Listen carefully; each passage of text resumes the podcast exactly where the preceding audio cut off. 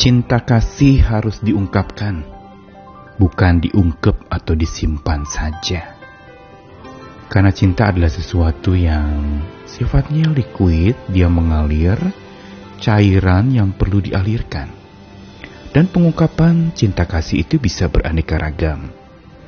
Ada yang menyatakan cinta dengan memberikan sesuatu, ada pula yang menyatakan cintanya dengan melayani atau melakukan satu tindakan yang menyenangkan orang yang dicintai.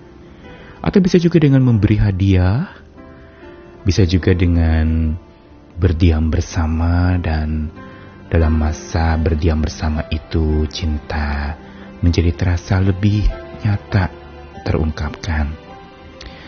Atau juga lewat kata-kata ini yang sudah sering kita ketahui. Hanya saja kata-kata yang diungkapkan dari cinta kita, apakah kata-kata itu harus bersifat puitis, menjadi indah dan kedengarannya mendayu penuh rayuan? Apakah itu kata-kata yang penuh cinta kasih? Sebenarnya tidak salah untuk mengungkapkan sebuah puisi indah mendayu penuh rayu.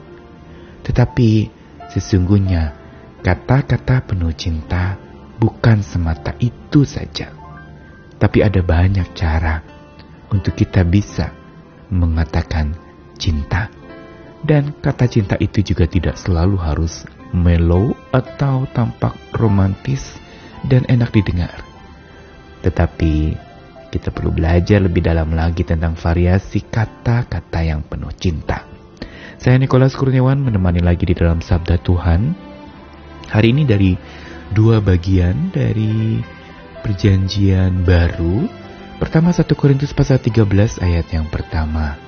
Sekalipun aku dapat berkata-kata dengan semua bahasa manusia dan bahasa malaikat, tetapi jika aku tidak mempunyai kasih, aku sama dengan gong yang berkumandang dan canang yang gemerincing.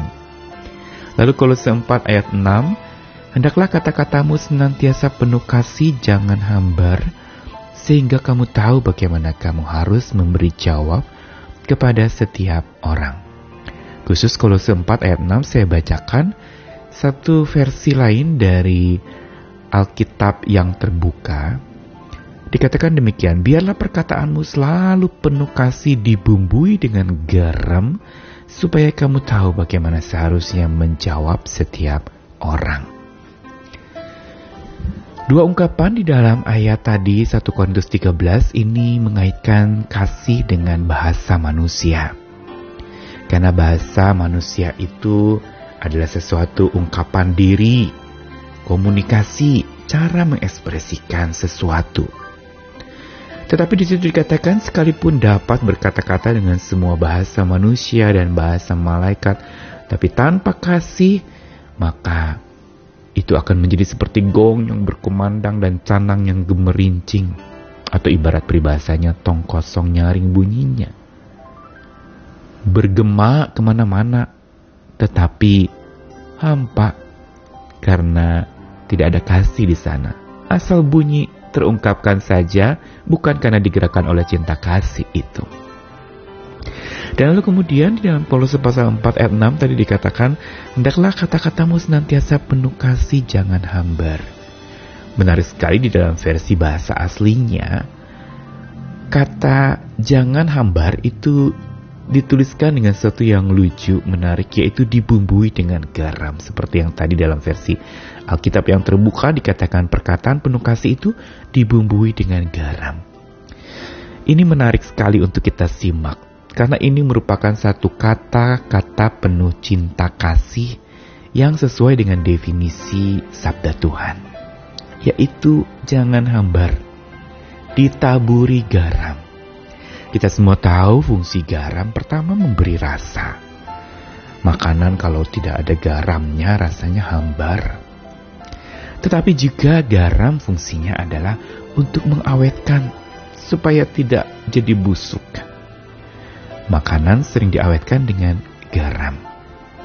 Dan inilah sebenarnya yang merupakan satu intisari atau penegasan tentang kata-kata penuh cinta kasih menurut versi Kolose pasal 4. Hendaklah kata-katamu senantiasa penuh kasih, jangan hambar, yang berarti bertaburan garam, yang sifatnya adalah kata-kata yang memberi rasa dan menghargai rasa orang lain, tidak asal dibunyikan, dan menyentuh perasaan orang lain, bukan sekedar lalu kemudian orang itu menjadi tersentuh saja, tetapi membuat dia sungguh-sungguh merasakan ada aliran kasih yang diungkapkan lewat kata-kata itu.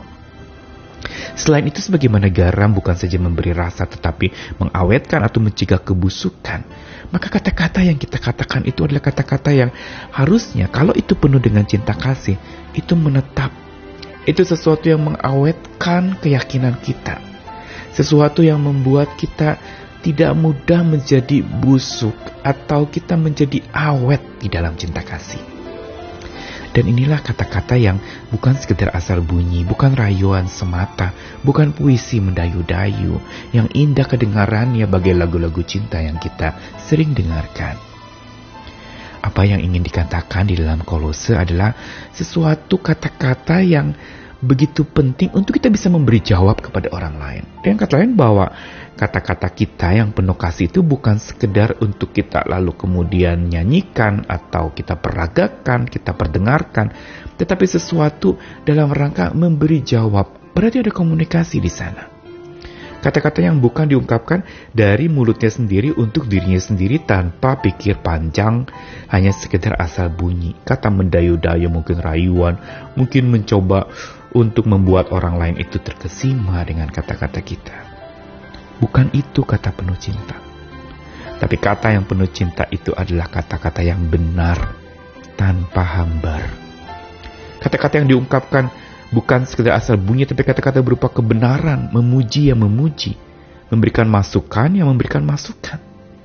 Bukan lalu kemudian kita menjadi berbohong dengan demi cinta lalu kita berdusta dengan mengatakan iya nggak apa-apa padahal sebenarnya ada apa-apa. Atau kita katakan, wah bagus, padahal sebenarnya biasa-biasa saja. Kata penuh cinta adalah kata yang berdasarkan kebenaran. Bukan mengingkari, bukan penuh dusta.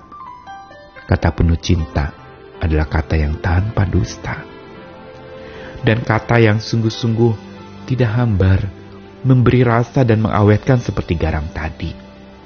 Dan kalau kata-kata kita bergaram, itu akan mengusir geram orang membuat orang menjadi tentram, membuat orang menjadi sadar akan dirinya dan ini kata penuh cinta yang berdasarkan kebenaran membuat orang merasa dicintai, tapi juga membuat orang itu menjadi sadar siapa dirinya. Dan ini dikatakan oleh Tuhan Yesus pada saat dia mengajarkan segala pengajarannya itu lahir dari cintanya. Sehingga di dalam mengungkapkannya ada teguran di sana. Ada sebuah kata-kata yang keras dan tegas menegur orang yang bersalah. Ini kata-kata yang bergaram, yang mengusir geram, sesuatu ungkapan amarah yang bukan karena geram atau murka kepada seseorang, tapi sebuah pernyataan kebenaran dan keadilan. Ini yang maksudnya kata-kata bergaram itu. Dan kata-kata yang penuh cinta itu juga kata-kata yang makin binar bersinar. Berarti sesuatu yang memancar ke mana-mana dan kalau sudah memancar ke mana-mana makin menjadi tenar atau masyur, tersebar luas. Kata-kata adalah bagaikan air, sebagaimana cinta juga bagaikan air yang kita ungkapkan, kita alirkan kepada banyak orang. Mari kita belajar bagaimana supaya kata-kata kita penuh cinta. Hiduplah dari cinta Tuhan. Karena dengan cinta Tuhan itulah kita dimampukan untuk bisa berkata-kata penuh cinta. Bukan asal bunyi, bukan kata sia-sia, bukan pelesetan, atau mungkin dengan maksud bergurau, bercanda tetapi membuat orang menjadi galau. Kata yang penuh cinta adalah kata yang benar, tanpa hambar. Kata-kata yang bergaram, mengawetkan iman orang lain, mengawetkan keyakinan orang lain, dan juga memberi rasa yang benar, sehingga orang merasakan kenyamanan. Rasanya seperti makanan bergaram itu enak dan membuat kita menjadi bertumbuh. Tuhan mengasihi kita, mari kita belajar lagi untuk berkata-kata dengan penuh cinta kasih. Tuhan memampukan kita, Tuhan menyertai kita senantiasa. Mari berkata penuh cinta. Amin.